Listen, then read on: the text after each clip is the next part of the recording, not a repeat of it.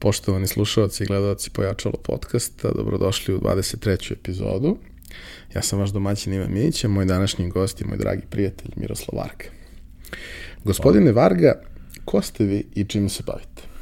Pa najkraće rečeno, ja sam strojarski inženjer koji je u jednoj fazi svog života zalutao u internet, e, jer sam računala volio od kad sam ih vidio, od prvog ZX81 koji koji je bio za nas tada domet, pa onda naši orao računala, pa poslije kad je došao Komodorac, naprosto to je fascinantno uvijek meni bilo, a zašto sam, zašto sam eh, u tom poslu, zato što sam iz svih bivših eh, poslova koje sam radio, uvijek eh, trebao nešto što se zove pomoć u prodaji.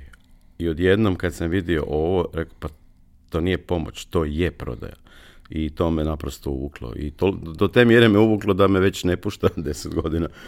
Mislim da, da sam narkoman da bi se prije skinuo nego s ovog posla.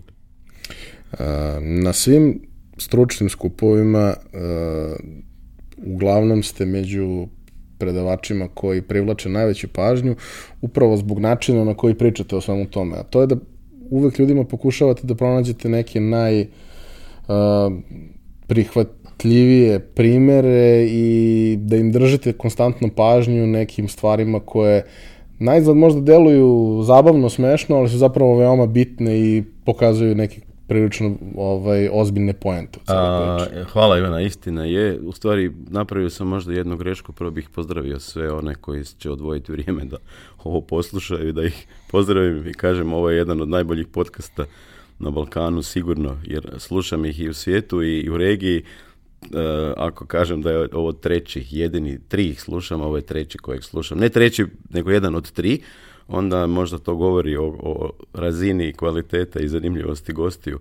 Ono što je bitno i što sam naučio kroz svoju karijeru, i to je još od škole, ako čovjek ne zna jednostavno objasniti ono što je suština i bit nekakve složene teme, onda on to ne razumije. A ljudi koji ne razumiju obično se onda počnu zavlačiti u nekakve komplicirane i teške i velike fraze, velike stvari i, i objašnjavaju to na način da ni njemu, a ni polaznicima nije jasno šta je htio reći.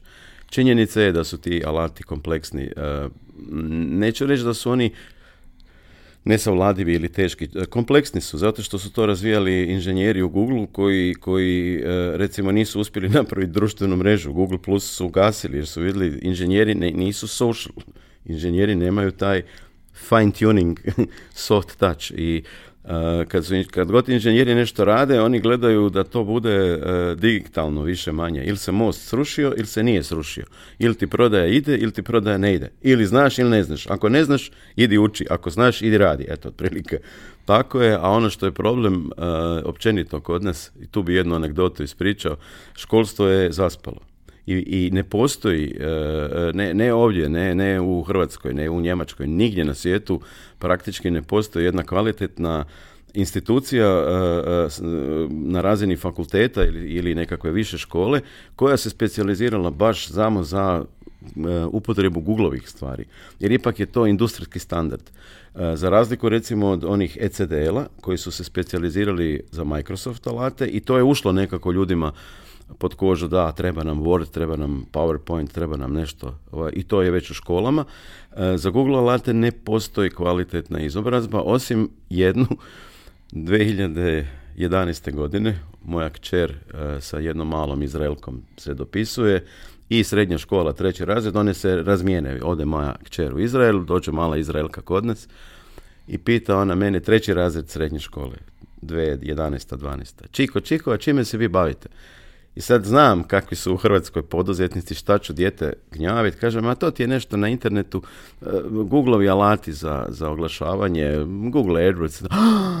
Google AdWords, pa to nam je najdraži predmet u školi. Treći razred srednje škole 2011. Tako da e, tu sam vidio u stvari di je problem. Tamo ljudi kad izlaze iz škole ne su možda eksperti, ali točno znaju o čemu pričaju razumiju logiku, metodologiju, e, e, mogućnosti sustava koje možda nisu nikad istestirali, ali im je netko to sve lijepo sistematski pojasnio i obrazložio i tu mislim da je najveći propust e, u cijelom svijetu, praktički kod nas pogotovo, što se u školama ne uči djecu kako da uspješno iskoriste ono što je danas dostupno u, u digitaliji, jer su svi manje više digitalni koje god dijete pogledaš na ulici, ono nešto, nešto, nešto surfa, nešto radi. E sad, kad bi mu neko pokazao kako toga i pare napraviti, vjerojatno bi ta djeca bila sretnija i perspektiva bolja. Ali ovako je, školstvo je zaspalo, fakulteti su dobrim dijelom zaspali. E, činjenica je da u Hrvatskoj, reci ne znam kako je Srbija, ali mislim da nije puno, puno dalje, u Hrvatskoj treba dvije godine da se kurikulum promijeni, da se usvoji neki kurikulum. Pa dvije godine u ovom poslu je ludo. Dvije godine je trao hype oko Blu-ray diskova, izlazi na izlazili na tržište i propali, još nisu ni stigli do Tako da nekad kad mi kažu mi kasnimo, nije to možda ni loše. Jer do nas dođe samo ono što je preživjelo test tržišta, test vremena. Ista je bila ili vrlo slična priča, ko se sjeća, mi stariji se sigurno sjećamo, VHS ili beta ko, koji ćemo? Bo, Beta je umrla prije neke došla do nas praktički jer je VHS u tom trenutku se nametnuo kao standard i mi smo, eto, oni jadni koji su kupili Beta rekordere su morali kupiti onda kasnije i VHS ako su htjeli konzumirati sadržaj. Tako da nije loše to kašnjenje, ali je loše što se u tom kašnjenju ne poduzimaju Ehm, one mjere koje znače temelj. Mi, mi pričamo svugdje u, u, u zemlji o kukijima, o GDPR-u, o propisima, o kaznama, o privatnosti, o svemu pričamo, ali da sad odete na ulicu pitat ljude, ok, ajde, ajde mi objasni šta je to kuki, ja mislim da 95% ljudi ne bi, ne bi znalo uopće da tako nešto postoji i da tu postoji neka skrivena igra oko praćenja i ostalih stvari. Fali nam temelj. A, kad već pominjate GDPR, a, vi ste Europska unija i kod vas je od koga peše pa 25. maja prošle godine krenulo primjena svega. Ok, i mi svi ostali smo propatili Jeste, zahvaljujući da. ovaj, celom tome i naravno pošto postoje tendencije da i mi se priključimo nekada ova Evropska unija, ako do tad bude postojala. I to, da. ako, ona doživi nas u ovom slučaju. Ovaj, e, šta je zapravo e, GDPR promenio što se tiče načina na koji se radi? Ma u biti ja mislim da e, u suštini nije promijenio ništa, nego je samo ljudima dao do znanja prate vas i sad je na vama hoćete li dati svoju suglasnost ili ne. Samo to. I oni koji su rekli nemoj me pratiti, ti si u obavezi onda ih ne pratiti. Eto, otprilike to je. Ali ja i dan danas gledam da ljudi nasumično čim idu na bilo koji sajt, prihvaćam kukije, šiše i dalje. Većina ljudi uopće ne zna e, šta se to krije, šta se to uopće prati, kako se prati, šta je, šta nije potrebno u konsent. Recimo meni e, je u poslu e, bitno otežalo u nekim detaljima, ajmo reći, znači ne mogu pratiti svakoga koji ima određena stanja za koja zaista moraš dati suglasnost. Na primjer, ako, ako imaš problema sa zubima, sa kičmom, to je osobni podatak, to ne bi trebao nitko znat. A ja sam ga prije mogao znat jer sam vidio po tome što ljudi googlaju, spremiti ga u određenu skupinu, ovi ljudi imaju problema s leđima, treba im masaža, napadaj. E, danas to više ne mogu ako mi izričito korisnik nije rekao možeš. A ono što se dogodilo kao posljedica GDPR-a oni koji nisu zainteresirani, oni ne daju suglasnost, ali oni koji jesu zainteresirani, oni i dalje daju suglasnost jer mu treba najbolje moguće e, e, rješenje, odgovor na njegovo pitanje, odgovor na problem i dosta ljudi još uvijek e, daje suglasnost. Jedna skupina zato što uopće ne razumije i nije briga i jedna skupina baš hoće da je se prati. Evo recimo moja, moj primjer iz, iz, moje, iz moje povijesti. Ja sam tri puta u životu E, doživio da zovem policiju jer mi neko ukro auto. U Rimu, u Milanu, u Minhenu. ne auto, ukro cijelu ulicu, brate. Nema je više. Danas sam Google rekao, molim te, prati me kud idem. I pitam Google gdje mi je auto, on kaže, gled, do ove točke si išao obrzinom, od te točke onom, vjerojatno ti auto tu, aj prošeći, pa prva lijevo, 20 metara desno i onda kroz onaj prolaz. E, e, mi imamo potrebu da si olakšamo život. E, svaki od nas je taj koji treba procijeniti da li je taj podatak koji sam ja ostavio bilo kome, Facebooku, Googleu, nešto što može danas sutra mene proganjati ili je to nešto što meni koristi. I svaki od nas bi u tom GDPR-u stvari trebao naći svoj, kako bi rekao, set e, stvari koje je spreman dati drugom. Ja, ja nažalost nisam jako tu, um, bi rekao, e, ne pazim jako na svoju privatnost jer um, ne, ne da me nije briga, nego naprosto ne vidim eh, u kom dijelu bi se to trebao bojati, eh, ali al kažu mi inače svi, ono, moraš, se boriti za privatnost, ali ne moraš is, eh, iskoristiti tu osobinu da se tvoja privatnost čuva. Ali moraš se boriti za privatnost, jer to ako ti kažeš šta me briga za privatnost, nek me prate, ja onako ništa loše ne radim, to je isto kao da kažeš pa ja nemam ništa reći, šta me zanima sloboda govora. E, nije istina, za slobodu govora se moraš boriti, a hoćeš li pričati ili nećeš, to je tvoja stvar. Isto tako i za privatnost mislim da se treba boriti, ali hoćeš li ili nećeš iskoristiti sve benefite da te neko ne prati, to je na tebi. Ja volim da me prate, jer e, dok kad me ne prate, onda dobijem, e, u Hrvatskoj postoje samo tri vrste potrošača. Jedni imaju menstrualne cikluse, jedni trebaju kupiti pivo i jedni trebaju osigurati auto. Bili su prije još i čukljivi i još neke stvari.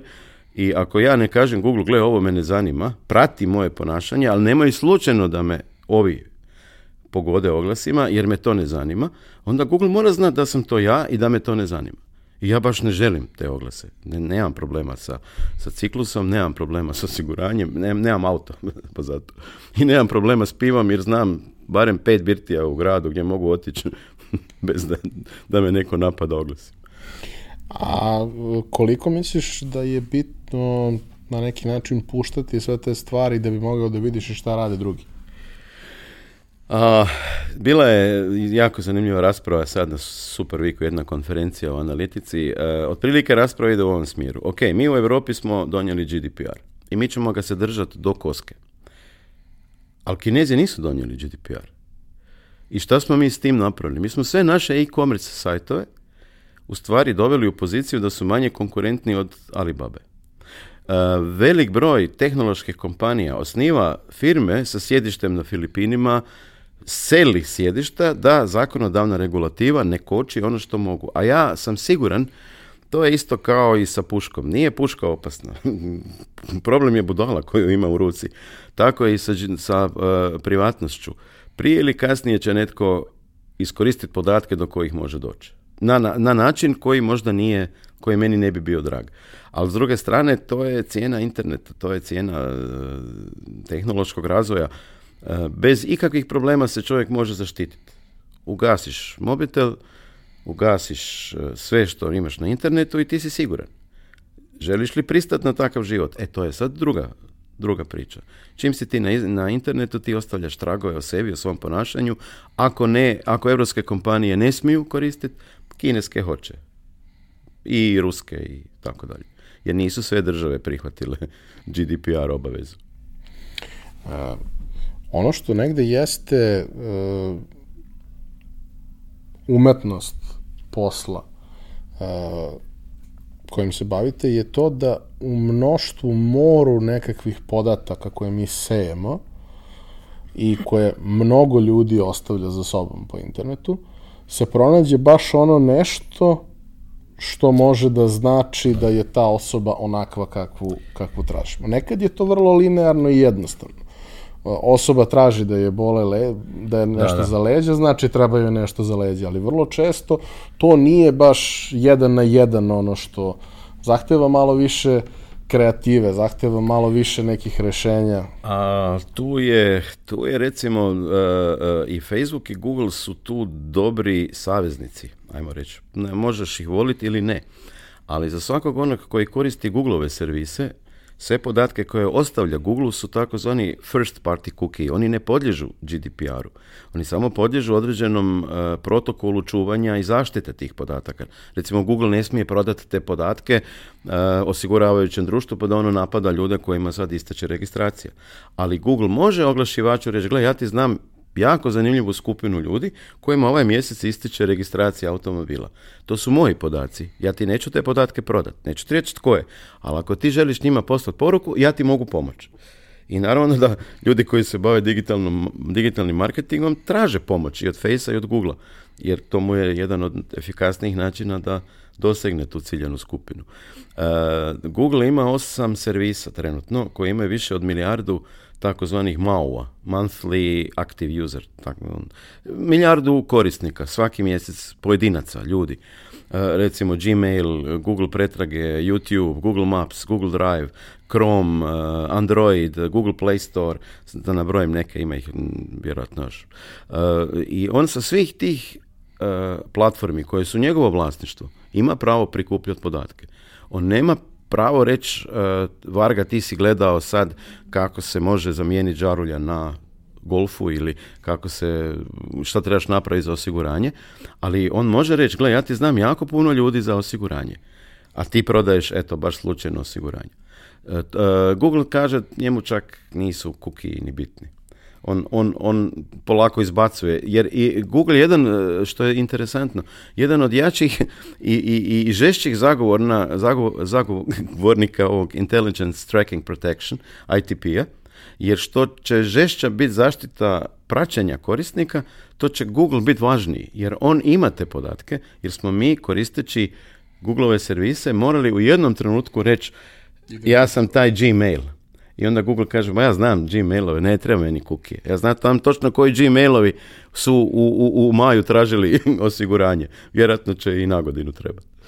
Tako da Google, Google zagovara da se kuki ne smiju koristiti, pratiti, čuvati i tako dalje. Nego aj dođite kod Google. A, a nekak, nekako mi se čini kod da Europa nije shvatila u stvari da, da si je, ne znam, upucala koljeno sama jer na način na koji su zabranili upotrebu kukija, mali su ostali osakačeni.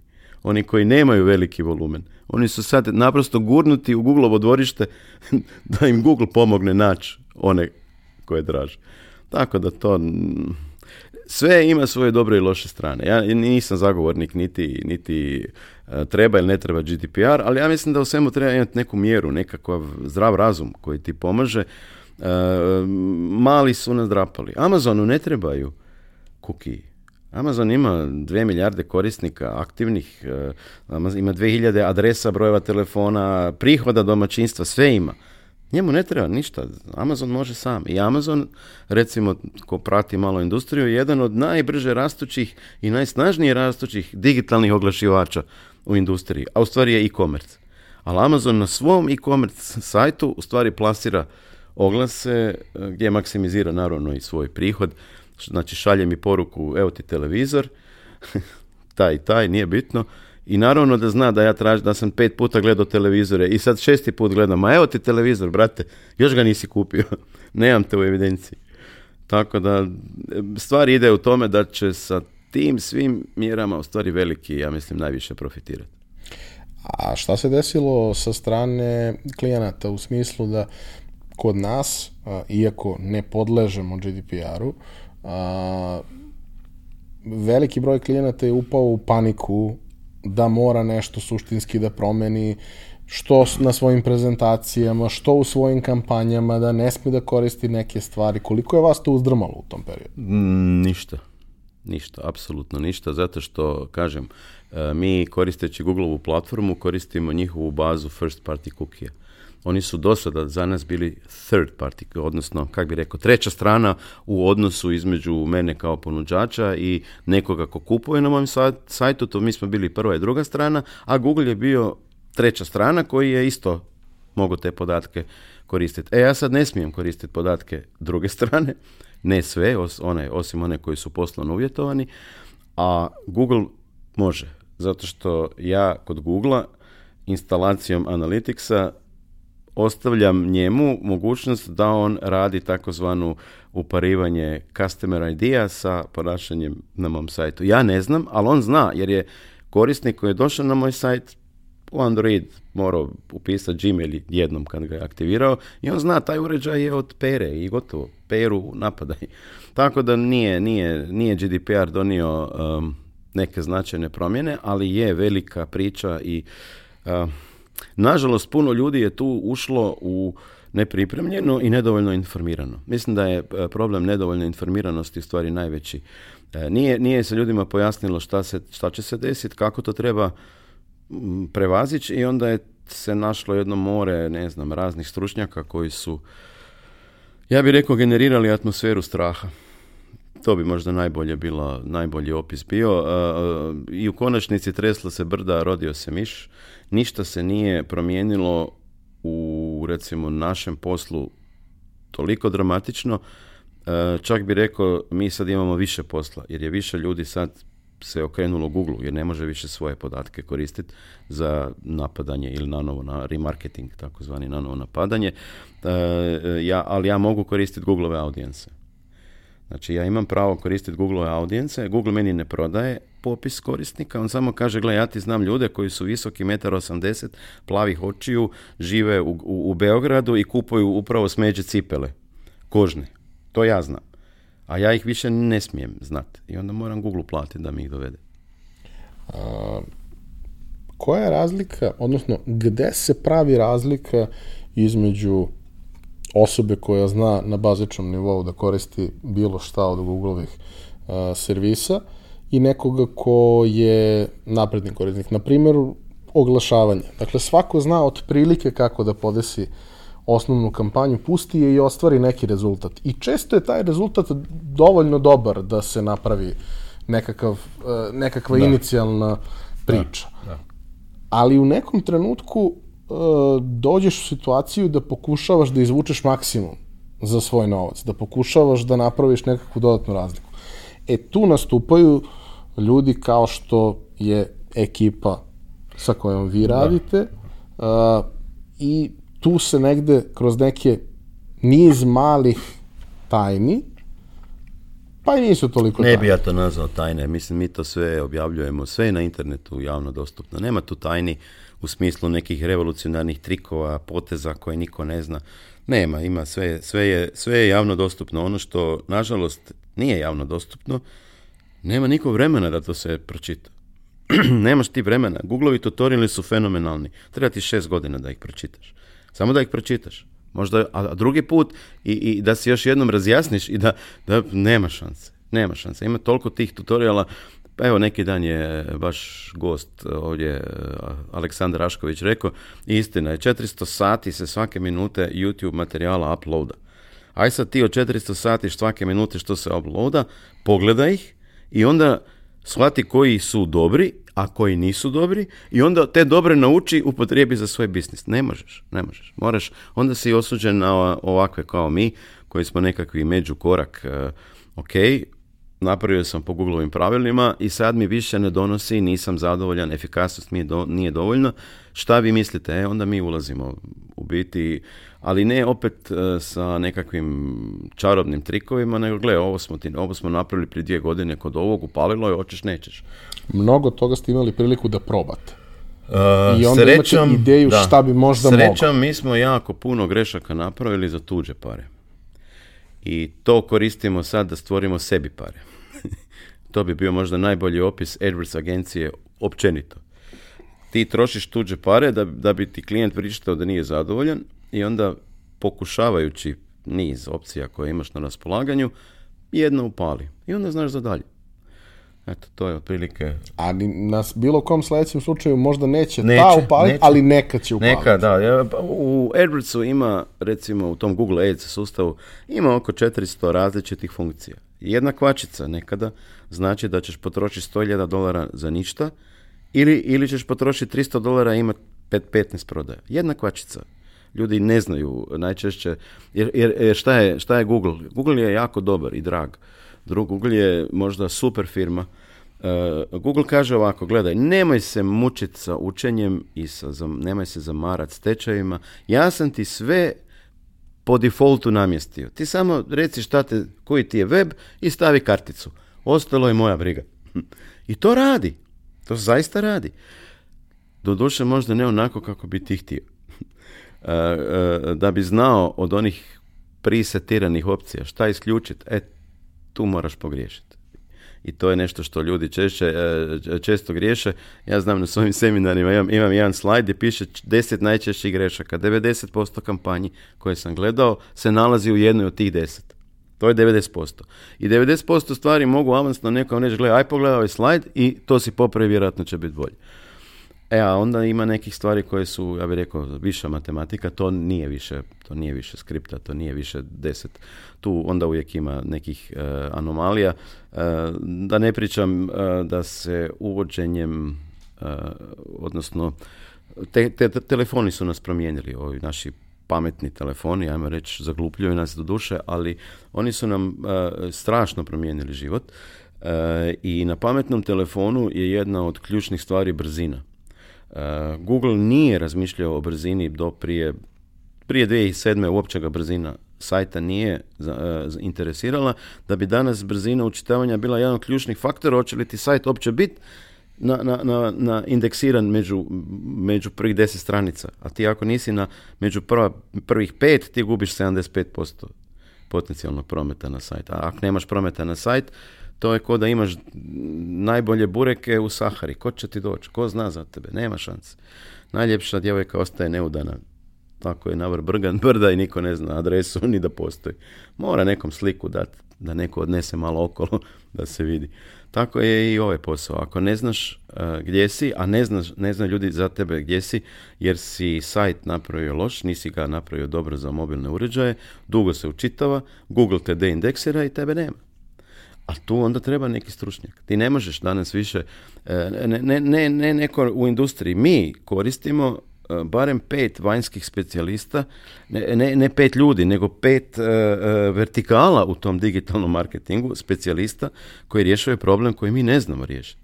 Nekad, ja se sjećam kad smo mi krenuli radi dve, treće, četvrte, nekad je web developer bio i SEO i designer i usability i user experience i sve, sve ti si došao, on ti je rekao, evo, ne znam, 3-5 hiljada eura i sajt ti je prvi. I moglo se to napraviti. Danas ne možeš, danas moraš imati SEO specijalistu, danas moraš imati uh, e, e, site speedera, nazovimo ga, neko ko optimizira CSS, HTML, brzinu učitavanja, koji radi takozvani pre-fetching, odnosno na temelju ponašanja dosadašnjih korisnika predviđa algoritam koju bi sljedeću stranicu ti sad mogao otvoriti, pa ju on već učitava dok ti ovu učitavaš, pa kad ti nju klikneš, ona skoči. I kaže Google, jao, ti si brz, bravo majstore. Ali to radi, to mašine rade, to, to više ne možeš ti raditi. I, i treba ti 5-6 specijalista, imamo, imamo vanjske specijaliste za, za kad trebamo neki kod napraviti, jer ono što je, kak bi rekao, kod nas kod svih nas koji smo se bavili ikakvim programiranjem. Logiku imamo, ali gramatika nam fali. Kad sam ja, meni nije problem u, napraviti nekakav e, e, e, blok tok šta mora raditi neka skripta. Ali ja kad sam tri dana života izgubio da, da shvatim di sam stavio umjesto dvotočke točku zarez, došao sam ženi doma i rekao sam danas sam zadnju liniju koda ikada napisao jer sam tri dana života, mogao sam šetati djecu, mogao sam e, se baviti gimnastikom, mogao sam ići na koncerte, mogao sam učiti svirat, pjevati, šta god, samo ne gledat gdje je dvotočka ili točka zarez. To je najgluplji način da izgubi život. I onda ti je puno jeftinije, lakše, e, ti si specijalista za neki programski jezik, aj mi riješi ovo i napravi mi to. A da ne kažem e, verzije, podverzije, e, platforme, browseri. pa mislim danas je, ima, ima u, u Splitu jedan momak koji radi jednu stvar. On je specijalista za optimizaciju CSS-a.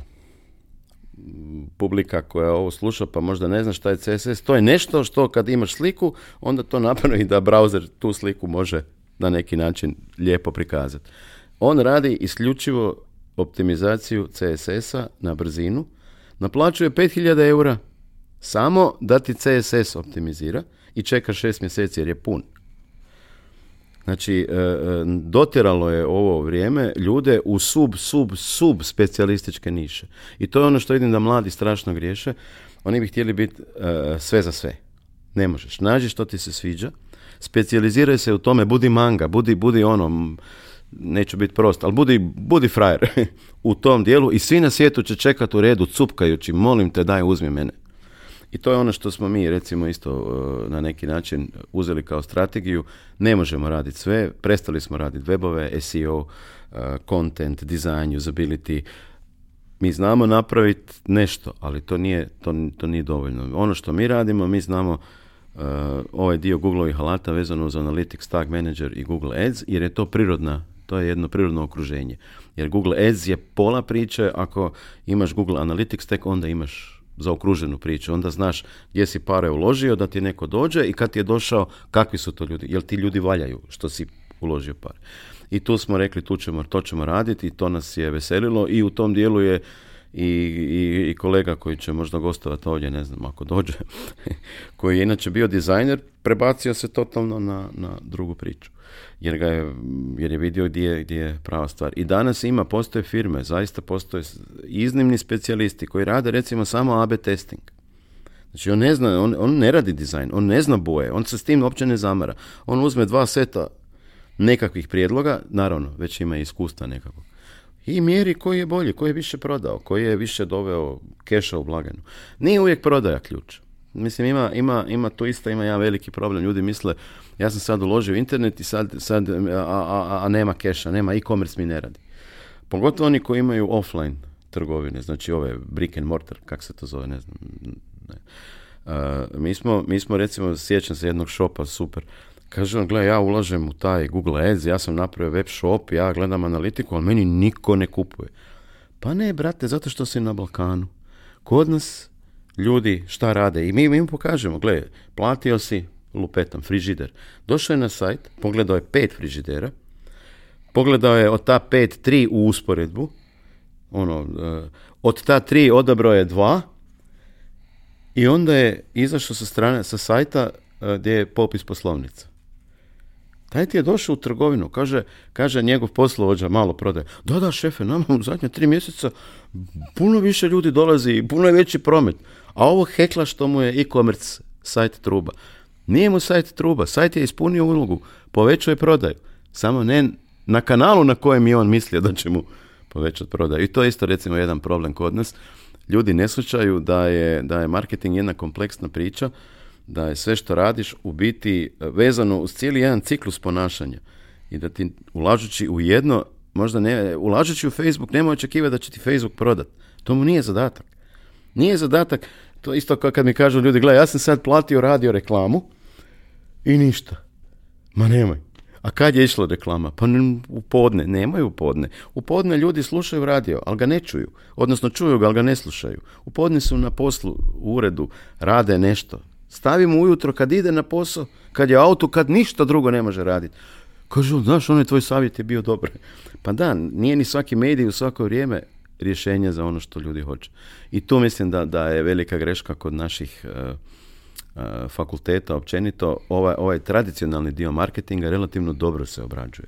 Nekakve temeljne stvari u marketingu se dobro postavljaju i dobro razumiju. Ali kad treba sad to prebaciti, a kako to u digitali primijeniti, e tu, tu, tu je jedan jaz, tu je skok, tu fali. I tu onda uskačemo mi, za sada. A da li misliš da je bitno i na neki način razumeti sam posao, razumeti kontekst svega? Jer recimo, evo banalan primer, e, vrlo često se ljudi hvataju za analizirajući analitiku na nekom vrlo primitivnom nivou, se hvataju za podatak, e, ne znam, bounce rate nam je veliki, to znači da to nije dobro ne mora da znači da nije dobro. Može da znači da je, kada je došao na sajt, dobio odmah to što mu treba i nije morao da ide nigde dalje. Tako je. Zavisi šta ti je cilj. Ako ti je cilj da on pregleda što više stranica, onda nije dobro. Da. Ali zašto bi ti bio cilj da pregleda što više stranica? Ako imaš, ne znam, sajt sa oglasima za polovne automobile, onda ima smisla da, da ti je cilj da vidi što više oglasa. A, ono što, da, to je, to je isto, e, e, to je jedan od problema. Ljudi čuju nek, nešto, negdje. Uzmu jedniki YouTube tutorial i sad je on ekspert. Bounce rate ti je, ako je preko 50, ne valja. Pa čekaj, ajde, ajde, šta je uopće? Ljudi, većina ljudi ne zna šta je bounce rate. Bounce rate e, od 100% se može desiti ako vam je došlo 10 ljudi na sajt i u tom trenutku ih je neko nazvao i on ode priča pola sata. A on pola sata je na sajtu, ali ništa nije radio to je bounce rate 100%.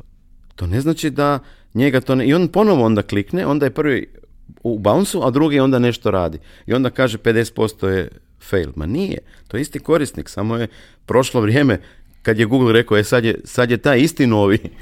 Istekla sesija. Istekla sesija, da. Mislim, problema ima tu. Ne, metrike koje postoje, ljudi, eh, a, a nemajući osnovna znanja o metrikama i važnostima i ono što oni u stvari govore, e, naprosto donose krive zaključke. E, jedan od, od naj, naj, najneispravnijih podataka koji postoji e, je time on site. Često mi ljudi kažu, pa gle, kod mene su samo 10 sekundi. Ma nisu, nego su ono što su bili 10 sekundi je Google uspio izmjeriti, ali ovo dalje nije uspio izmjeriti.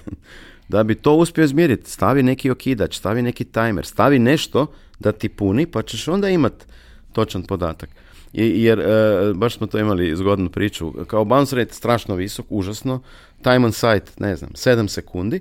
A mi samo ubacimo, ajde idemo izmjeriti koliko je njih scrollalo do dna. Evo, samo to. Odjednom 80% ljudi koji dođu scrolla do dna.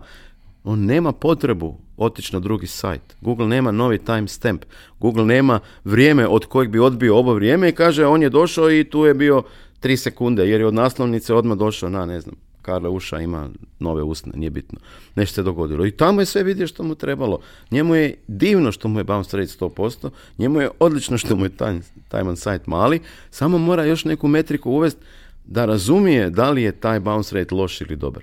To je problem. Ljudi ne znaju s kojim bi pomoćnim stvarima mogli izmjeriti da li ono što, što oni tumače ima ili nema istine u tome, da li je ta priča ispravna. Uh, inače se to zove e, u, u ovom našem poslu e, data analyst. To je jedno od najtraženijih zanimanja. To su ljudi koji na temelju brojki koje vide analiziraju stanje i kažu ovo ne valja, a ovo je super. Zato što je od silnog broja metrika koje se dogode, ti naprosto, kad otvoriš Analytics, to je sve šarena laža, to, ima svega. On, I onda najčešće što ljudi vole odu na onaj real time izvještaj. E to, to, mu se najviše sviđa, to bar razumije. I ok, nisam ja rekao da je to loš izbor, ali real time izvještaj ti trebaš koristiti, evo recimo jedna, jedna mala, mala priča isto iz naše prakse. E, ljudi su platili radio i televizijske oglase u točno određeno vrijeme. I onda gledaš real time izvještaj da li je nakon što je neko na radiju pročitao tu poruku došlo do rasta korisnika na sajt. I onda smo naučili tog našeg klijenta da mu je najbolje frižidere oglašavati na ovom radiju u 8 ujutro, a televizore na onom radiju, a, a pegle i miksere ili kuharice ili nešto na onom radiju. Ne sluša svaka publika isti radio, ne sluša ga u isto vrijeme i ne, i ne konzumira isti sadržaj. To je ono što recimo real time je strašno može pomoći. Aha, u 8.00 išla reklama, u 8.05 mi je zviznuo promet u nebo. To je vjerojatno zbog toga. I opet ne mora biti, ali vjerojatno zbog toga. I to je ono što, što se recimo može izmjeriti ako je moj, moja reklama na televiziji išla u 8 na večer, a ljudi danas e, u 80% slučajeva gledaju televiziju, a da im je laptop ili tablet ili mobitel tu. Čim krene blok reklama, on više, on mijenja ulazni monitor. Ali ako ga je pogodila, ako je teaser bio dobar, onda je napravio pik. Jer ljudi slušaju reklamu otprilike ovako bla bla bla bla bla bla bla bla bla bla bla bla bla bla bla Huawei P20 akcija 30% za 1500 dinara, nema pojma. Aha, i šta radi? On googla Huawei P20 akcija za 1500. To rade. Ne koga nudi, ne pod kojim uvjetima ga, ne di, ne, nije bitno. I to krene i onda vidiš da je, da je pik se dogodio i onda znaš koja TV stanica u koje vrijeme ima publiku. I mladi ne gledaju u 8 sati. Mladi gledaju ili jako, jako rano ujutro, jedan, dva, kad se vrate iz života, ili gledaju tijekom podneva dok se spremaju, e, onda im svira na televizor ili neki YouTube kanal, ili im svira neka stanica koja svira stalno glazbu. Nije bitno. E, e tebi reklame idu na TV, ali taj TV niko ne gleda. Zato što se u kupatilu sprema, licka, maže, nije bitno, a tebi, a ti plaćaš debele pare na nekakvom muzičkom kanalu da ti se desi. Ali to ne znači da nema smisla, ima smisla. Samo moraš znati kad ne, cijeli dan, ne, ne nije bitno. I koji, Sve se koliko zapravo dobiješ I šta si dobio, i to, to moraš miriti. To je ono zbog čega e, trebaš jednu skupinu ljudi, jer ti to sam ne možeš. Ti možeš imati neke dobre ideje, e, hipoteze, ajmo ih nazvat, ali onda ih moraš istestirati, izmjeriti i reći, gle, ova hipoteza izgleda da ne valja ili ovo točno smo pogodili točno znamo. I tu je ono što, što, je, što je po meni e, bitno da se mladi razvijaju recimo danas u tom smjeru data analista. To su baš ti ljudi koji kažu ovo smo super pogodili. Google ima toliko failova u svojoj prošlosti, toliko grešaka je napravio. Ali Google kaže nije problem napraviti grešku. Svi ju napravimo. Problem je ako iz te greške nisam ništa naučio i ako nisam dovoljno brzo naučio da je greška. To je jedan od problema. Ljudi kad naprave grešku, guraju dalje E, e, s nadom da će ta greška nestati odjednom sama od sebe. Ako radiš stvari na isti stari način, a očekuješ drugi rezultat, onda si za psihijatriju, to je još Einstein nešto u tom stilu rekao. E, ne možeš očekivati drugi ishod ako sve radiš jednako, moraš nešto mijenjati. Da bi mijenjao moraš imati brojeve, da bi imao brojeve moraš ih razumjeti. Najčešće ih ne razumiješ i onda moraš uzeti nekog. I tu je ogroman prostor, ogroman ali isto tako ako nešto menjaš, ne možeš da menjaš mnogo stvari istovremeno. Ne, to je isto greška. Ljudi, ljudi dođu, recimo kažu, ovaj sajt nije radio, sad idemo novi dizajn. Pa nemoj, brate, molim te, nemoj. Jedan od, od zgodnih alata koga zanima, Google Optimize. To je rađeno, ko, ko je ikad radio u Wordu, može svoj sajt drag and drop povlačenjem izbornika mijenjat, pa nije kupi, kupi sada dole desno zeleno, nego je gore u sredini narančasto bold 90 font koji hoćeš. Ti, ti radiš dizajn i onda kažeš Google, gle, pola ljudi šalji na original sajt, a pola šalji na ovaj moj Optimize napravljen, pa da vidimo gdje je veća prodaja. E sad šta je problem? Kad ljudi krenu, kad ljudi jednom otkriju Optimize, to smo imali isto, njih sedam u marketingu testira svakih sat vremena sedam stvari. I ti imaš odjednom 50 testova. I jedan upali, što je najbolje, jedan upali, sam što ti ne znaš koji. Ti vidiš, nešto se jako, jako dobro dogodilo. Ali ko je u 8 sati 13 minuta to napravio, ne znaš. I šta je napravio? Jer ne, prvo ne vode se protokoli, e, ne, e, drugo e, ne ide se u testiranje sa čvrstim hipotezama, ne radi se dubinska analiza povratnih podataka i onda kad se nešto desi, svi sretni. Kad se ne desni, ja ne valja taj Google, ne valja taj Optimize ili ne znam, ne valja dizajn, nešto ne valja. Nije istina, sve, sve se treba istestirati ne, ne smiješ se dovesti u poziciju da, e, to je recimo jedna od, od velikih grešaka koju ljudi rade. E, 95% sastanaka na kojima sudjelujem ide ovako.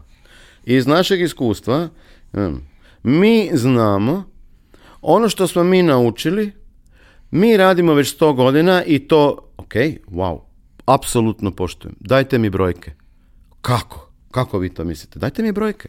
Ja vjerujem da vi iz iskustva mislite da zeleni auti idu bolje od bijelih. Ok, dajte mi brojke. Koliko ste prodali u zadnjih deset godina bijelih, koliko zelenih. Ima jedna zgodna priča u, u tom našem poslu. E, baš zeleni automobili. Šta se desilo? General Motors je jednu seriju automobila obojao između ostalog i zeleno. I sad su se svi dileri sjeli, jer svi auti idu, ali zeleni ne idu. Da ga jebaš zelenog ne možeš prodati. I onda dogovore dileri međusobno da jedan drugom ne tjeraju nožu leđa ajmo svi skinuti na nabavnu cijenu da ih se riješimo. I svi se slože. I oni rasprodaju sve zelene auta. A General Motors, šef nabave, kaže kupuj dva kamiona zelene, izgleda da se zeleno kupuje ko bleso. Eto, i šta sad? Jer je diler mora javiti koji je model, koje boje prodaju proizvođaču, da on opet sljedeći log. Evo, to je recimo jedna priča iz života gdje si ti podatak koji je točan, iščupao iz konteksta, donio potpuno krivu hipotezu i na nje si donio, na temelju te hipoteze si donio potpuno krivu poslovnu odluku. A dovoljno je bilo da je nazvao njih trojicu, e, dečki šta se desilo sa zelenima, sve bi mu rekli. Znači nekad, nekad su stvari toliko banalne da, da ispada smiješno, a, a ljudi nisu svjesni da, da im je e, razumijevanje konteksta, razumijevanje povratnih podataka i njihovo iskustvo e, nešto što svakodnevno treba testirati, svakodnevno. Testovi čine majstora, u ovom poslu. zašto? Zato što u digitalnom svijetu povratni podatak neki dobiješ za 15 sekundi, neki za 15 dana, nebitno. Ali ti ako za 15 sekundi dobiješ povratni podatak za neku izmjenu koju si napravio, da je ona više prodala, pa nemaš, ne treba ti tu iskustvo, filozofija, hipoteza i kontekst. Ovo radi, daj ovo ljudima. Ako, ako se ljudima ovo sviđa, daj im. Ako, hoć, ako si na tržištu. Ako te financira država, onda šta te briga što se ljudima sviđa, bit će ovako iz našeg iskustva i mi znamo i tako da Već sto godina. Da, već sto godina tako. A, a koliko često je potrebno na neki način izvršiti intervenciju i pokušati promeniti način na koji klijent doživljava svoj proizvod. On ima proizvod, marketira ga na jedan određeni način, on je zamislio da je to tako upravo to kao što smo pričali, a, i to tako nema nikakvog smisla. Ali to pre, premešteno u drugi kontekst e, može, biti, može biti interesantno. E, evo tu, tu baš recimo e, prvo, prva stvar, vrijeme uopće nije faktor. Vrijeme iz te jednadžbe treba izbaciti. meni treba statistički relevantan uzorak. Nekad ga dobijem za sat vremena, a nekad ni, godinu dana nije dovoljno. U turizmu mi treba tri godine da vidim zbog sezonalnosti, e, kod, kod e, poklona za Valentinovo, kod prvomajskih izleta, kod novogodišnjih večeri. Ne možeš ti E, e, raditi istraživanja ako nemaš bar tri točke. Svaka funkcija treba bar tri točke ili više. Tri ciklus, treba mi tri sezone da ti mogu reći šta bi u četvrtoj radili. A on hoće od mene odgovor za tjedan dana. Gle, ne, idu mi prodaje novogodišnjih večeri. Ok, ali nemam podatke zadnje tri godine da vidim šta ste radili, testirali, gdje je problem, kako je problem. Tu, tu je recimo e, statistički relevantan uzorak i ključ cijele priče. I ono što mi radimo i to većina ovih koji se bave ovim poslom rade, od, od dana jedan kreće testiranje. Ok, iz vašeg iskustva slijedi, idemo s tom. Iz našeg iskustva slijedi, a imamo brojke na, na tri slične vertikale ili sličnom, sličnom proizvodu da bi možda ovo bilo bolje, e, onda tražim suglasnost da ja i ovo svoje testiram. I treće, ostajem Google da full mašina sve radi. U pravilu Google pobjeđuje. U pravilu je Google uvijek najbolji i u pravilu do sad je ovaj klijent bio najgori. Mi smo uvijek negdje u sredini. Znači Google zna bolje, klijent nema pojma o svom poslu. Ali ne zato što on nema pojma, da, da, da ne bi se neko našao povrijeđen. On zna izvrsno svoj posao, ali on ne zna dovoljno o tržištu kojem se obraća. Tu je problem. On zna svoj proizvod. A Google zna, ako Google nešto zna, zna o tržištu zna, zna, bila jedna zgodna konferencija gdje je lik iz Google reklo, gledajte, mi ne znamo sve o ljudima i nit, ćemo ikad znati. Ali recimo, ako vi googlate gdje kupiti dioptrijske leće s među boje, mi znamo kako ćete imati oči sljedeći tjedan. Zato što znamo na temelju onog search behaviora šta vas muči, šta vam treba, šta vas zanima. Google je rekao isto, u kontekstu nekih pretraga mi smo u stanju preko 90% pouzdano reći da se radi o kupcu i to sada. Primjerice, e, e, tko, šlepa pokvareni auto u dva po noći subotom na autocesti Beograd-Niš na 142. kilometru? Kaže Google, mi 90% pouzdano znamo da je to kupac. Da li je vaš ili neće drugi, o tom potom. Ali mi znamo gdje, šta i, i, i, i kad mu to treba. Točno znamo, sad moraš tu doći ga odšlepat i ne, neće možda ni pita za cijenu. Možda će neki kinez biti 15% jeftiniji. Ali dok Kines dođe s brodom i odšlepa ga, možda me više ne zanima. Tako da, da je u, u, u toj cijeloj kombinaciji oko konteksta, tajminga, e, zahtjeva bitno imati i fleksibilnu cjenovnu politiku. Ne kažem da ljude treba derat kad su u očaju, ali kažem da jedna firma koja ima e, zanimljiv proizvod možda ne treba imati e, istu cjenovnu politiku za sve i svakoga. Možda ne treba bijeli biti iste cijene kao i crni mobitel. Najčešće su ono, i biraj se ovih šest boja. Ne možeš. Srebrna ti košta 7% više. Ne moraš ju uzeti. Imam samo dva komada, tak mi je sve jedno. Ali radiš, radiš diferencijaciju. Premalo ljudi se uopće s tim bavi. Diferencijacijom, položajem, nišom, tajmingom. E, oni bi si iz mog iskustva, većina ljudi koji se bavi nekim biznisom bi htjela da ima više prodaje, veći profit, veći tržišni udio i da to postigne se manje ulaganja. Ja, ja svakom kažem, super, zahtjevi potpisujem odmah. Ali nažalost mi nismo agencija koja to može napraviti. A javite se ovim. Ne, nemogući zahtjevi. Da hoću i letiti, roniti, plivati istovremeno. Ne možeš. Ne možeš. Taj se odluči za jedno. Ti možeš raditi na tržišnom udjelu, možeš raditi na profitu, možeš raditi na prihodu, možeš raditi na e, e, rasprodaji skladišta neće nekakvog artikla koji te sad muči. Ali ne možeš sve to postići. Ne ide. Tu je recimo još jedan nedostatak kod... Eh, neću reći da ne ide, apsolutno, ali ću reći da ide jako, jako teško dvije stvari uspjeti napraviti, a kamoli tri ili četiri istovremeno.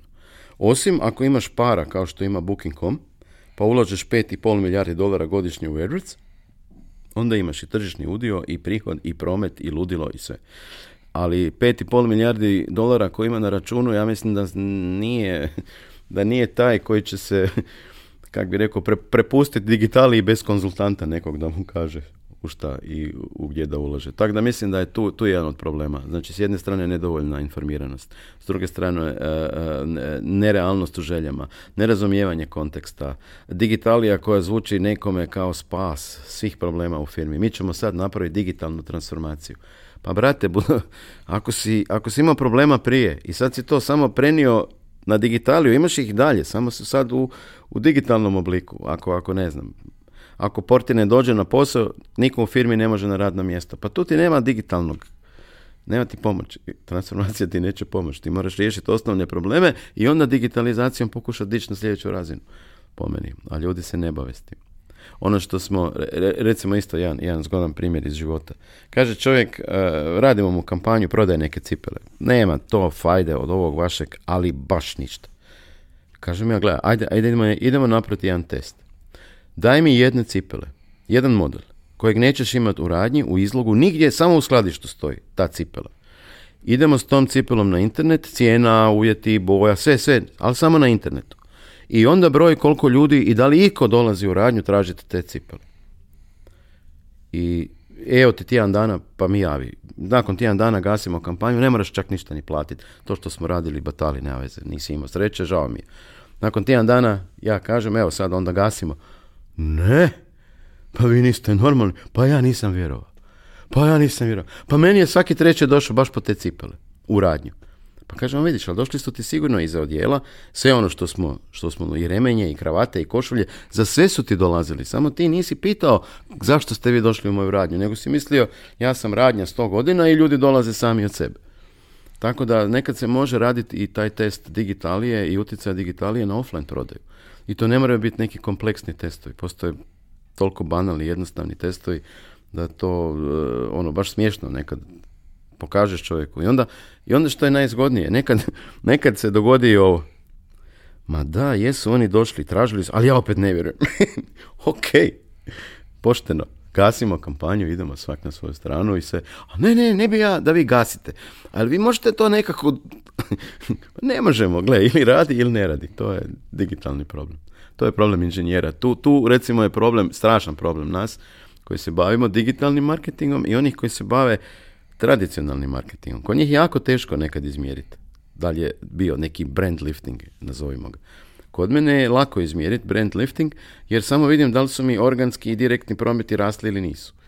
Ako je netko čuo za moju firmu i počeo googlati ili direktno doći na www. Ivan Minić ili pojačalo, onda je ta kampanja dala rezultat. Više ljudi je došlo. Ako ti ne mjeriš dobro, ne znaš je li ti kampanja dobra. To je drugi par opanak. Ali ti možeš mjeriti utjecaj digitalije praktički na neke te, kak bi rekao, vrlo teško mjerljive metrike.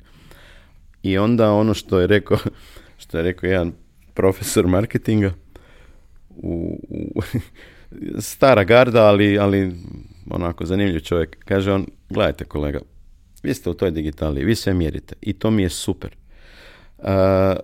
jer ja imam drugu školu. Ja sam naučio kad klijentu nikakav rezultat nije bio da mu kažem E, ali mi smo vam digli brand awareness. A koliko? Niko ne zna. To sad nije važno. To sad nije važno. I ja sam siguran da, je, da, je, da se desio brand awareness. Pa mora se desiti. Ako skačeš iz, iz, iz, radija, iz televizije, iz novina, mora se nešto desiti. Ne, ne, nema šanse da ne. Pitanje je samo efikasnosti tog povrata. E tu je digitalija zato jako interesantna, jer dovoljno točno, vrlo brzo E, možeš izmjeriti da li su ti ulaganja bila efikasna ili nisu. To je Zato ljudi ulažu u digitalni marketing. Ne zato što sad ne znaju šta bi, pa ajde idemo, čuli smo da je dobro. Nego, nego e, odnosno, kod nas na Balkanu čuli smo da je dobro, komšija ima pa bi ja dva ta Google nešto što vi radite. A možda i tri, ne znam koliko košta jedan.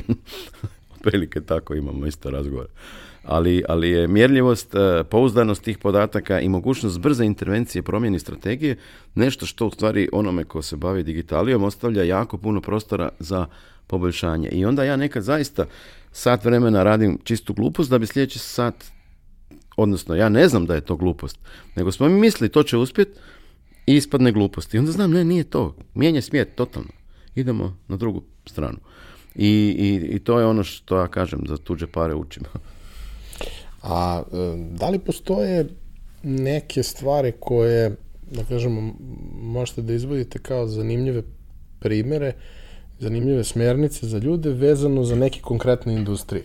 Nešto što je najčešće gde se ljudi, se ljudi javljaju i šta su te, da kažemo, neke najkrupnije i greške i šta je nešto što može da ne bi, ne bih možda, ajde, generalizirao, ali ispričat ću jedan case koji je zanimljiv zato što je eh, Srbija ima tu sreću ili nesreću kako hoćete isto kao Hrvatska da vam jedna Srbija živi vani. Otprilike jedna Srbija je tu, jedna je vani. Tako i Hrvatska, jedna je doma, jedna je vani.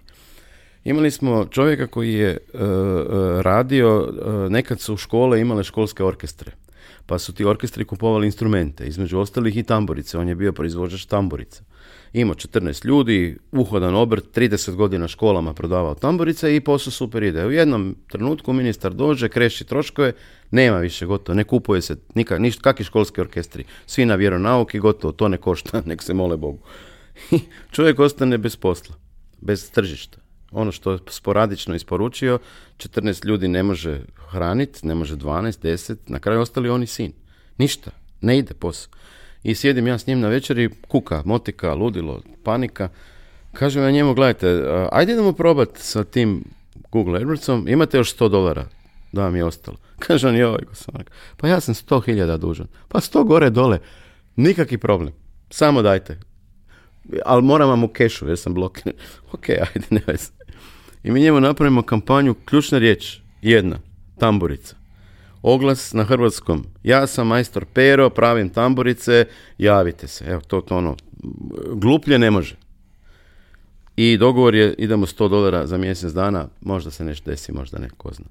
Zove on nakon tri tjedna, nije prošlo mjesec dana. Gosom Varga, ono nešto, gasi.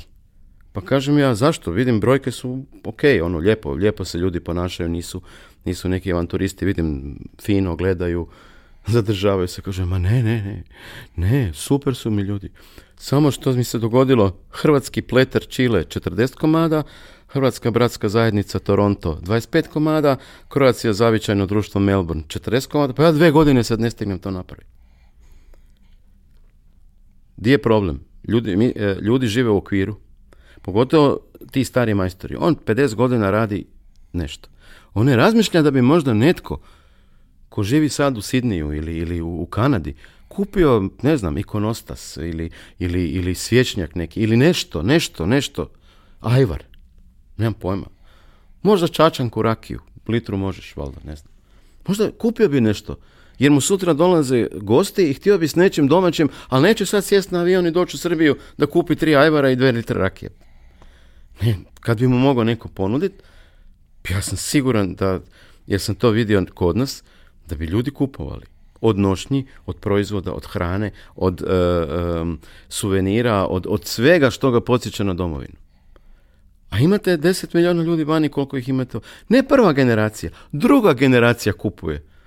Ne znam, možda ni srpski više, zaboravio. Ali, ali je njegov otac došao, ne znam, iz Kragujevca i on bi sad nešto što je baš zanimljivo tamo. I naručio bi. Ne znam koliko srpskih proizvođača suvenira uopće ima web, pa koliko uopće nudi na Google Ads i koliko uopće razmišlja da ne nudi to u Srbiji, nego da to nudi u cijeli, cijeli globus je praktički tržište. I to je onaj problem koji mi imamo ovdje. Ne, nemamo taj, taj mindset nam je, nam je uprogramiran i, i obrtnik koji je, znam puno njih obrtnika koji su propali u Hrvatskoj jer su radili, oni su radili za končar, za olt, za ne znam, neku firmu i ta firma je propala i on više nema tržišta. Nikad nije razmišljao, ali dobro, jel bi možda još neko kupio to?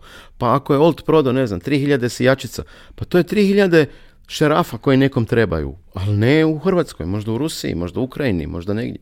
Pa, a on će googlat Old kataloški dio, taj, taj šeraf. I ti se pojaviš, halo. I košta te oglašavanje skoro džabe, jer niko živ to ne oglašava, jer si to ti jedini radi.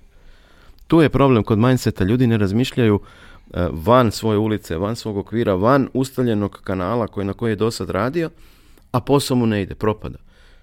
Digitalija mu je tu, ja bih rekao, jedan, jedan od možda najboljih pomoćnih kanala. Ne kažem da svima uspije, ne, ne, ne, sigurno ne, ne radi za sve.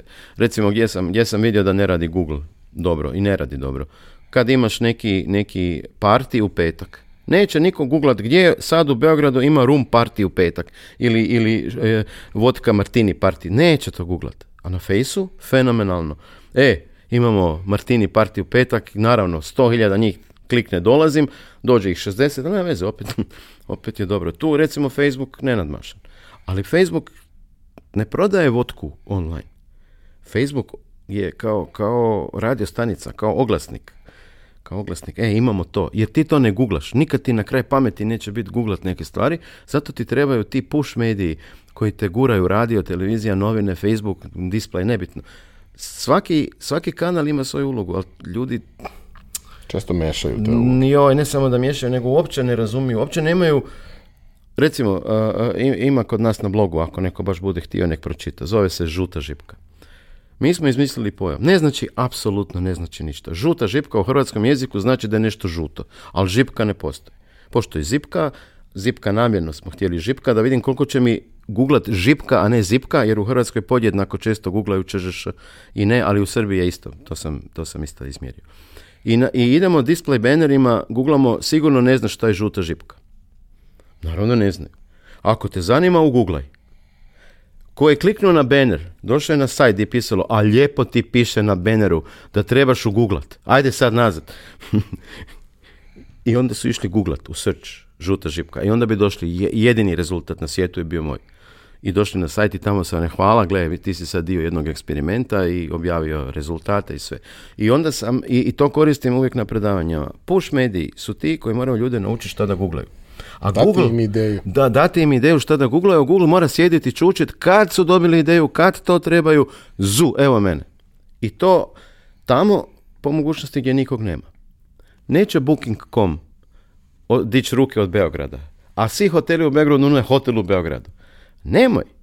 Nemoj. Nudi, nudi hotel u blizini aerodroma Nikola Tesla. To je niša. To se ne da Bookingu sve gledati. Hotel blizu Nikola Tesla i ti skočiš tu prvi. Ali sam te naučio da postoji hotel blizu i ti ćeš ga googlat. Ono što, treba, što trebaju ljudi raditi, trebaju svoj proizvod izmaknuti iz visokog konkurentnog okruženja u nišu u kojoj nemaju, a nude istu stvar. Samo ju sad malo drugačije zovu.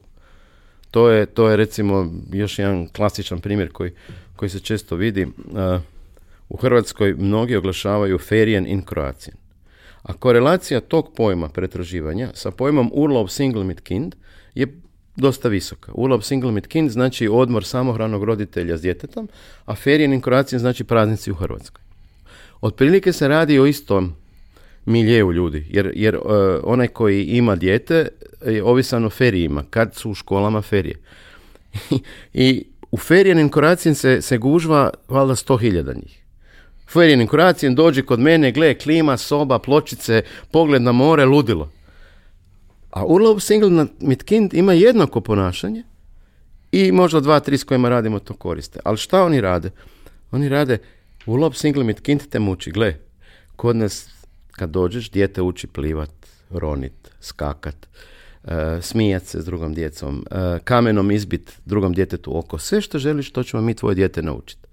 A ako trebaš negdje spavat, gle, imamo sobu, klimu, pogled, pločice, ludilo. Mailovi koji šalju ti ljudi, nisu ko mailovi koji šalju ovi ferijen inkoracije. Ovi ferijen kažu, gle, ja bi došao, hoću 15% popusta jer sam vidio da ste na bookingu, znam da uzima 15%, hoćemo jednu večeru gratis, jedan izlet, e, da nas dočekaju tamburaši, e, e, možda će doći naši prijatelji, ali ako dođu da spavaju taj dan besplatno, na kraju ti dođe ono, kalkulacija, e, aj ostani doma, molim te. A ovi koji su ulop single mit kind, oni, njihov mail počinje ovako, oprostite, kao nešto sam kriv. Da li ste slučajno slobodni od 21. do 28. Mi bi došli. Nikakvih ekstra zahtjeva, ništa. I sad, i sad kad, kad znaš taj obrazac ponašanja, a taj nije, nije naravno, istestirali i pogriješili, ali taj obrazac ponašanja je u stvari ono što trebaju raditi svi koji se bave biznisom. Ja se ne mogu tući sa Coca-Colom, sa Mercedesom, sa Booking.comom. Ne mogu, nemam, nemam toliko para. Ja, ni, ja moram naći je svoj proizvod u u nišu, naučit ljude kako da uđu u tu nišu, a onda i Googlom dočekat, evo je, ja sam taj. I to je ono što je po meni dobra marketinška strategija za male i srednje, i za velike, isto da se razumijemo, i za velike. Samo što ljudi ne troše vrijeme i, i, i, i razmišljanje na takve stvari, nego troše na to da se bore unutar firme za veći marketinški budžet, jer po definiciji veći budžet osigurava vjerojatno i veći rezultat na kraju. I onda su unutarnje borbe u firmi oko budžeta puno veće nego unutarnje borbe u koju nišu da se plasiramo. To se čak uopće ni ne, ne, ne, vodi računa. A tu ima prostor.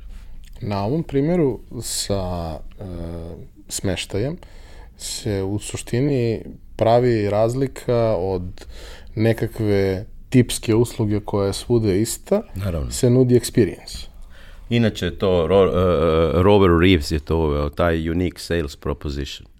To je jedna, jedna od urbanih legendi marketinga. Čovjek ošao na pauzu i vidi slijepca kako sjedi i prazna mu ona, ona šešir posuda, prazna, nema ništa. I on kaže, kolegi, gle, ja ću sad nešto dopisati na tu tablu, da mu napravim takozvani unique sales proposition jer su svi sjedili tamo, ja sam slijep, ja sam gluh, ja sam nepokretan, ja sam stradao u ratu i svi su, svi su jadni. I onda ljudi kama, pustim, ne, nemam vremena, i ja sam jadan, i prolaze. A on je nešto napisao i, gledaju sad za vrijeme pauze, ljudi idu, bacaju papire, stanu, pričaju s čovjekom. Ti sad doje, ovaj, šta si napisao, idem pogledat ono, nisi normalan. Napisao je, ovaj ima tablu, ja sam slijep. A on je napisao, danas je divan sunčan dan, a ja sam slijep. Zašto? Sad sam ja u stanju sebe identificirati s tobom. Ja vidim i ja znam da je divan sunčan dan. Ti ne vidiš, nikad ga neće. Ne samo što mi te žao, nego si se makao cijele one bulumente kojem je trebala pomoć, možda i više nego ti, ali ti si imao unique sales proposition koji je meni upalio trigger i ja sam ti stavio u škrabicu više nego što sam drugima. To je, on je inače jedan od legendarnih onih pripadnika um, te e, Madison Avenue, one momci, luđaci, nije bitno. Ima još jedna zgodna priča, ali to sad nije. Čovjek je napisao rad od 15 stranica i dobio Nobelovu nagradu, a nikomu ga tri godine nije htio objaviti. Je, e, e, e, dokazao je da postoji na tržištu nešto što se zove asimetrija informacije. Šta je? Svi ponuđači polaze od pretpostavke da njihovi kupci znaju isto što i oni. I da tu je, da postoji jedna simetrija informiranosti i kupca i ponuđača ali je on dokazao da to skoro nikad ne postoji. A najgora situacija u Americi je bila kod ponuđača rabljenih automobila. Je svaki automobil je fenomenalan, uščuvan, servisiran, nikad ništa. I, i, I, ljudi dođu, kupe i auto stane za 3000 km. I naravno, svi su prodavači automobila džubrat, prevaranti, lopovi, lažovi. Jedine firme koje su opstale su bile te koje su rekle, izvolite, pogledajte, ovaj auto je udaren bio prije dva mjeseca, imaju redovne preglede, ali ove godine je preskočeno. Majstor je napisao da bi uskoro lamela mogla otići. Sve što su oni znali dali su kupcu i kupac je kupio. I ti su opstali, ovi su svi propali. Ta, ne, ta asimetrija informacija je još jedan problem na tržištu, e, jer, jer šta je? Ljudi moraju shvatiti da je digitalija omogućila ljudima da znaju o proizvodu ili o lokaciji više nego trgovac u radnji. Ja to gledam svaki dan. Čovjek dođe, ja bih htio onaj Samsung HD12 GF16 kroz 64 što ima 75.000 lumen piksela po, po, po kutu s lijeve strane. Prodavač gleda, pa mi nemamo to na stanju. Ima, ima. E, pogledajte, otvorimo njegov sajt. E, danas je internet omogućio simetriju informacija. Nekad je nije bilo. Pošto je internet to omogućio, onda mi moramo biti spremni na totalnu otvorenost. Gle, ovaj televizor ti je super, ali ima mi jako, jako sličan, ali je 200 eura jeftiniji. Evo, pogledaj si njegove karakteristike. Nismo ga stavili na internet, jer još je tek je došao, nije došao, nije bitno, imamo ih malo, nebitno, reci čovjeku iskreno šta je. E, kod nas svi misle, pa ne, ne, ne mogu mu ja to reći, pa neću mu ja to reći. Pa si ti normalan. Da, Mi može da nešto da se sakrije od korisnika. Pa ne treba, ne treba, jer u konačnici ti korisnik niste u jednokratnom odnosu. Pa vratit će se on sutra po baterije za daljinski. Vratit će se on s prijateljem, reći, gledaj, tu sam kupio onaj super televizor, možda ima još za tebe. E, e, ne, grade se odnosi, ne, gradi se priča na lifetime value. E, digitalija omogućuje mjerenje tog lifetime value. Jedini, jedini ljudi koji su mjerili dosad s kojima sam imao prilike surađivati, koji su mjerili lifetime value su osiguravajuća društva, koji su znali, aha, ti si uzo kredit, Eh, eh, pa ti, pa ti je trebalo životno osiguranje da ga pokriješ, pa ti je sad isteklo, pa bi sad možda mogao kuću osigurati ili stan koji si kupio. Oni su pratili to, oni su znali, uša mi je sa auto osiguranjem gdje ću izgubiti. Da ću ti jeftinije auto osiguranje nego bilo što drugo, jer meni, ne znam, 30% njih koji uđe sa auto osiguranjem na kraju osigura kuću gdje je vratim, a kuća je na 10 godina. To, oni, oni su to radili, bankari i to otprilike to. Nisu radili ni farmaceuti, ni ovi što prodaju cipele, odjela, nisu radili lifetime value kupca. A da je neko radio lifetime value kupca, onda bi vidio da je jako bitna simetrija informacija, onda bi shvatio da ne trebaš ništa skrivati i onda bi vjerojatno posao išao bolje. Samo bi onda hipoteze. I onda se ne bi u kući svađao marketing sa ITM, što je jako često, eh, ili marketing eh, eh, za televiziju i medije s marketingom za flyere i, i novine, da ko će dobiti više para ove godine, nego bi zajedno sjeli i razmislili koji su to kanali, koja je strategija, koja je niša, kako promijeniti odnos. Tu mislim da je puno veći problem. A prilike, odnosno nije problem, to je ogromna prilika. Oni koji to prihvate, ti će imat posla, ti će, ti će opstat, ti će pokidat ove. A u, klasičnom prodaju, pre svega ovoga, postojali su vladati programi da. Što je na neki način bila preteča toga da imaš Pokušaj, neku informaciju o svom kupcu. Na neki način ga možeš identifikovati i znati, e, ovaj čovjek koji je došao je u prethodnih tri mjeseca kupio šest kila banana. Možda će još šest kupiti.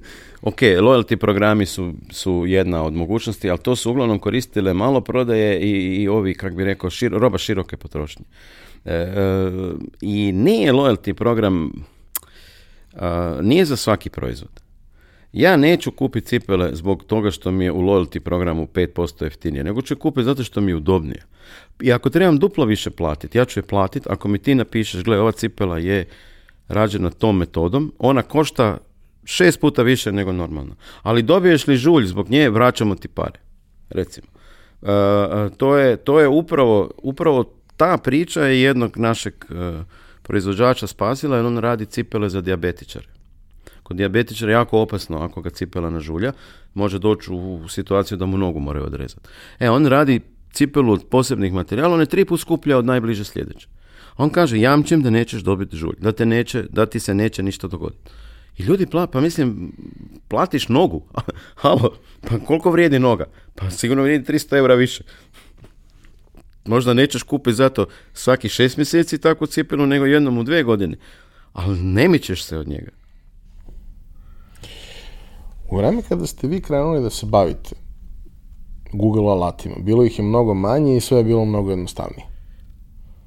Sada, sad ih ima mnogo i jako je teško početi. I mnogo je materijala, mnogo je toga od čega negde treba krenuti da bi mogao da uđeš u tu priču. Mada je verovatno i sam Google sve bolji i bolji, pa dosta toga radi umesto vas. Pa je, ali ja bi, ja bi rekao ovako, mislim, eh, E, problem, problem recimo koji mi svjedočimo na Balkanu. Ja otvorio burekđenicu i meni krenulo. Od, oko mene za, za tri mjeseca 75 burekđenica i svi zajedno propadam Istina je, da, postoji, postoji sve više ljudi koji se s tim bave, ali ono što mi primjećujemo, koliko god više agencija ljudi ima koji se s tim bave, još je veća potreba, još je veće e, e, tržište koje je nepokriveno. Jer, jer iz sektora velikih se spustila digitalija u sektor malih, sad je u sektoru mikro. E, postoje, postoje ti inkubatori, startup, nešto ne, nebitno. Gdje, gdje ti poslovni anđeo kaže, gle, 100.000 ti dam za tvoj proizvod i još 300.000 da uđeš u marketing, u oglašavanje toga što radiš. Tri put više ti dam za nešto što veze nema s tvojim, ali ne dam ti onih 100 ako ne dam, ako nećeš ovih 300 u ovo, to ću ja nadgledat da ode. I to da baš ode u Google. E, tako da ima, ima, ili Facebook, nebitno, u digitaliju. E, ima prostora puno jer je jako mala pokrivenost. Ima puno više ljudi nego prije, ali, ali i tržište je shvatilo, i to više tržište je shvatilo da mu to treba. I e, prostora ima još uvijek po meni dovoljno. Ono što je, što je možda važno nekome spomenuti, ulazak u taj svijet Google oglašavanja je vrlo jednostavan. Barije, ulazna barijera je mala. Ali ako ti ne radiš konstantno na sebi, i to barem dvije godine, nećeš nikad doći na onu razinu da sad tebe mole da dođeš, a ne da ti moraš loviti ljude i vući za ruk. Puno ih je krenulo i odustalo. Nije, trebaš sjediti, trebaš raditi, trebaš testirati. Mi, e, naš posao se ne svodi da mi prodajemo znanje, nego da svakodnevno testiramo. To traži vremena. U firmama nemaju vremena. A ovi, ovi koji misle da je to, kako bi rekao, boza, on će ti napraviti kampanju, ti ćeš imati neke rezultate i staćeš, iznad toga nećeš ići. Onda ćeš doći kod mene. I onda dolaze kod mene. Gledaj, ja sam imao agenciju kod Pere, Pero mi je sve super, ali ne mogu dalje. A čuo sam da vi možete. Da, ali mi smo skuplji od Pere, žao mi. Smo puno skuplji od Pere. Tako da ovi koji rade do te razine eh, jednostavnog ulaza, kojih ima kogljiva poslije kiše, oni idu s malom cijenom i ostanu na toj razini. Prva stvar koju bi svakom preporučio, nemoj ići sa, sa niskom cijenom. E, kome je teško platiti 50 e, eura, njemu je jednako teško i 150 eura platiti. A tebi to može biti propast ili, ili opstanak na tržištu. Jer ako neko, neki Airbus stručnjak može recimo deseta kampanju voditi, Velika je razlika da on zaradi 500 eura ili, ili 1500 eura. A za 1500 eura on može nekad platiti i moj savjet, i nekog konzultanta, i neku edukaciju, i neki uh, online Udemy, ne znam, neki tečaj. I taj može ići napred. I taj u krajnjoj liniji može uvesti neko ko može da deo posla natle da proveri. Naravno. Ko ne mora da ima možda svo to znanje i iskustvo, ali koji je početnik, koji Tako može je, da napravi. Jer ulazna barijera, bez obzira što je niska, E, postoje, kak bi rekao, velike razlike. I kod Google postoje firme koje su koje nisu uopće Google partneri, pa koji su plavi partneri, pa koji su crveni partneri, pa koji su premier partneri, pa koji su sales partneri, ima točno i Google tu neku kategorizaciju i sukladno tome idu nekakve i cijene. Mi, mi smo danas skuplji nego ikada što smo bili. imamo posla više nego ikada što smo imali. Tako da ne znači da, da je konkurencija loša stvar, mislim da je dobra stvar, ali moraš od početka znat svoju računicu. Ne možeš sa mikro, sa mikro e, naknadama, nema razvoja ni tebi, a kad se ti ne razvijaš ni tvoj klijent nema koristi i prije ili kasnije će otići. To je sigurno. Onaj ko ulazi jeftino, brzo će ostati bez klijenta. A, znamo kako da uđemo. A i znamo da moramo da probamo. A gde učimo? Najbolja Google platforma, najbolja. E, to je jedno, jedno od mjesta gdje je dobro, ali šta je problem? Ti da bi nešto od Google naučio, ti moraš znati kako se to zove. Ti moraš znati Google žutu žipku, ali ti to ne znaš. Ti moraš doći na neki seminar da ti neko kaže, gle, ovo ti je SERP. Aha, tako to moram googlat. E, gle, ovo ti je gornji dio SERPA, ovo ti je organic dio SERPA. Aha, ti moraš znati kak bi rekao, eh, gramatiku, eh, ne gramatiku, riječnik, riječnik tih toga što te zanima. Ljudi često znaju šta ih muči, ali ne znaju kako to tražiti, a Google ima rješenje. Samo se to ne zove, a kak si ti tražio, nego se zove malo drugačije. I taj dio priče eh, možeš naučiti kod google možeš naučiti na forumima, ima puno dobrih foruma i, i mreža, recimo jedna od dobrih tu regionalno je Google Ads u Skavu E, tamo da grupa na Facebooku gdje zaista ljudi su spremni pomoć svakom dati odgovor. Možda ne baš u roku pet minuta, ali mislim da koje god pitanje tamo neko postavio da se nije dogodio dan da nije dobio barem pet mogućih odgovora. Uglavnom e, sve točno. Jer nikad nije baš ni jednoznačno ovo ti jer, i pitanja znaju biti čudna, pa onda ne može točno. Ali ono što znam da, da je početak uh, e, ovi tutoriali E, Googleove grupe i podrška i onda obavezno na neki seminar. Neki dan sam baš imao jednu raspravu na, na fejsu, nije bitno. Da, da, da, da, e, e, da, zašto ja prodajem znanje koje je besplatno dostupno na internetu? Ne, ne, ja ga uopće ne prodajem. Ja ga ne znam. Ja, prodajem vrijeme. Da ti ne moraš potrošiti šest mjeseci i da sad shvatiš kako se tvoje pitanje zove, nego da ti to možeš za 15 minuta znati postaviti i dobiti rješenje. Da nekad, nekad je jako teško znat postaviti pravo pitanje. Jer da bi postavio pravo pitanje, ti moraš nešto i znat. Ti ne možeš doći na grupu i reći, ja e, imam problem. Pa dobro, imamo ga i mi, ajde, šišaj miško. Nego moraš znati točno što postaviti pitanje, da bi znao postaviti pitanje bez edukacije ne možeš, a seminari su recimo jedan dobar dobar način da se skrati put, da naučiš malo brže nekakve osnovne stvari. Ne kažem da treba ići na seminare, ali, ali e, svakom preporučam gdje god e, se nešto organizira, e, recimo Google da kad to organizira, ja bi još, ja dan danas idem na sve Googleove seminare, ako ništa drugo dobro se pojedem i podružim, ali bez obzira na sve, uvijek nešto čuješ. Uvijek si u nekom džiru i skratiš si vrijeme koje bi tebi trebalo da dođeš do toga što ti neko servira u sat vremena možda bi tebi trebalo mjesec dana. Tako da mislim da je dobar put krenut Google tutorial, seminari, edukacije i grupe ili obrnuto sve. To je put jer nema fakulteta, nema škole, nema nikog.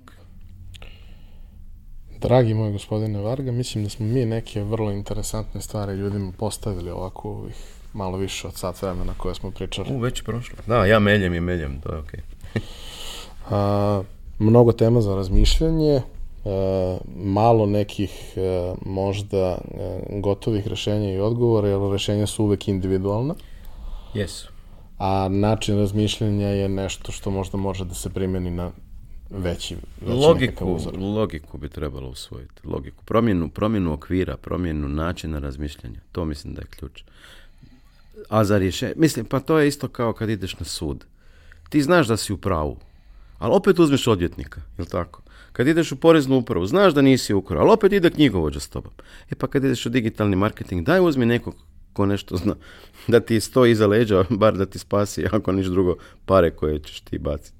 Potrošit će i on nešto, ali to uvijek, aj za kraj, savjet, kažu ljudi, e, ja trebam web, koga da uzmem? Ja uvijek kažem, gledaj, traži tri, četiri, pet ljudi ponudu najjeftiniji nek ti radi, a najskupljeg zamoli da ga nadgleda, plati i njega.